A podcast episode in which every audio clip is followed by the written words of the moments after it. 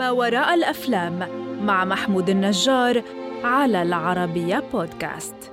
In seven days, God created the world, and in seven seconds, I shattered mine. ربنا خلق العالم في سبع أيام، بس في سبع ثواني بس أنا اتحطمت. أهلا بيك في حلقة جديدة من بودكاست ما وراء الأفلام، والنهاردة هاخدك في رحلة لما وراء فيلم 7 باوندز. أغلى ما يملك الإنسان هو جسمه، اللي بيفضل معاه من أول يوم لحد آخر لحظة يفارق فيها الحياة. بس إيه اللي ممكن يوصل الإنسان إنه يتخلى عن جسمه؟ وهنا ما أقصدش التخلي النفسي، لأ، حرفياً إيه اللي ممكن يوصل إنسان إنه يتبرع بكل عضو في جسمه؟ إيه الدافع على كده؟ ويا ترى إيه نتيجة ده غير إنه هيفارق الحياة؟ فيلم 7 Pounds بيحكي عن تيم اللي هيقرر ينتحر لكن انتحاره غير عادي لأنه هيعمل ده بدافع إنقاذ حياة ناس تانيين الفيلم بيبدأ بتيم وهو بيكلم الطوارئ يبلغ عن حالة انتحار ولما سألوه مين الضحية هيقول لهم أنا. في اللحظة دي أنت مش هتفهم حاجة وممكن في الأول خالص تفضل مش فاهم إيه اللي بيحصل وإيه اللي يوصل إنسان لحالة زي دي وليه يبلغ قبلها؟ لحد ما كل شوية المخرج بيوريك بفلاش باك مثير جدا إيه اللي حصل مع تيم. اللي حصل معاه ببساطة إنه هيتسبب في حادث مؤلم جدا وبسبب الحادث ده هيخسر خطيبته وست أشخاص مجهولين وهيكون السبب في موت سبع أشخاص. بعدها وبسبب إحساسه بالذنب بيقرر إنه ينقذ حياة سبع أشخاص تانيين وبالفعل بيعمل ده.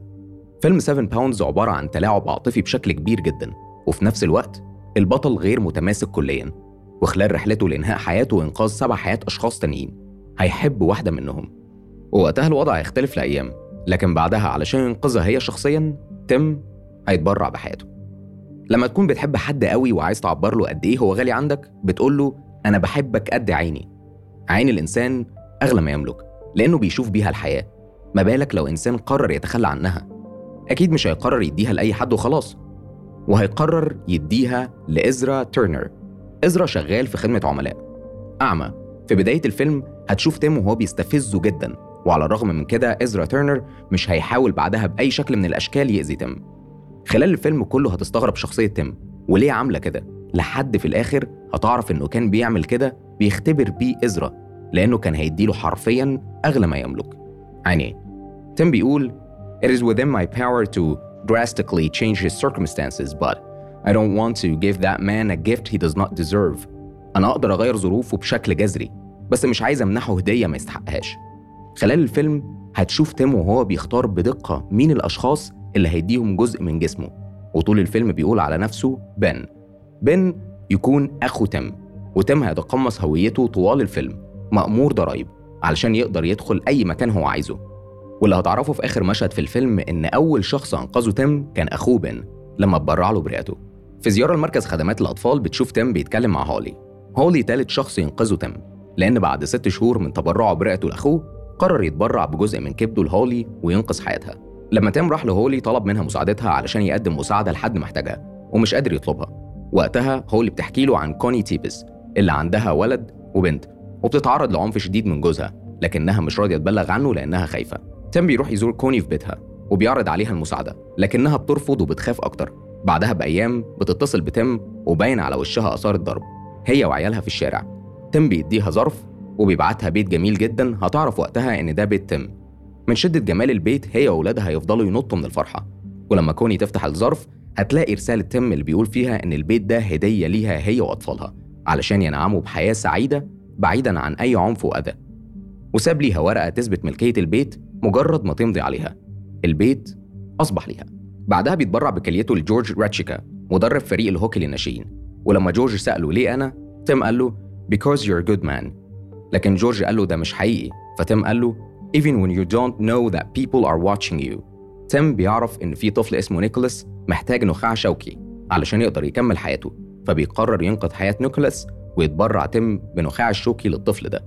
حكاية تيم مع كل شخص من السبعة حكايات مميزة جدا وليها طابع خاص بس حكايته مع إيميلي مختلفة لأنهم هيحبوا بعض. تيم هيقرب من إيميلي بصفته بن مسؤول الضرايب وهيقول لها إن عندها مصاريف متأخرة فبتوضح له إن ده بسبب علاج المستشفى. وقتها تيم هيقول لها إنه ظبط لها ورقة لمدة ست شهور ومحدش هيضايقها في الضرايب تاني. وقتها قالت له Why do I get the feeling that you are doing me a really big favor؟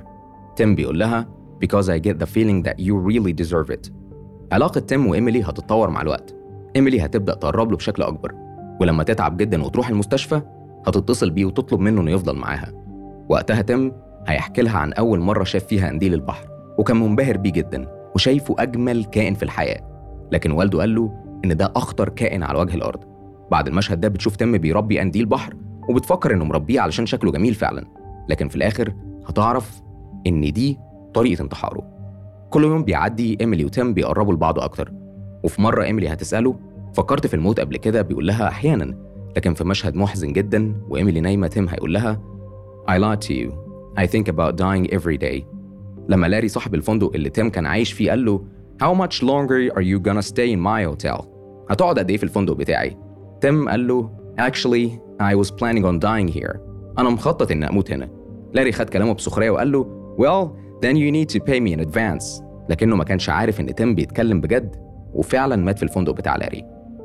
استمتاعك بفيلم 7 Pounds بيعتمد على قدرتك على التخلي عن عقلك وإنك تفكر فيه ببساطة وتشوف الأمور من منظور البطل.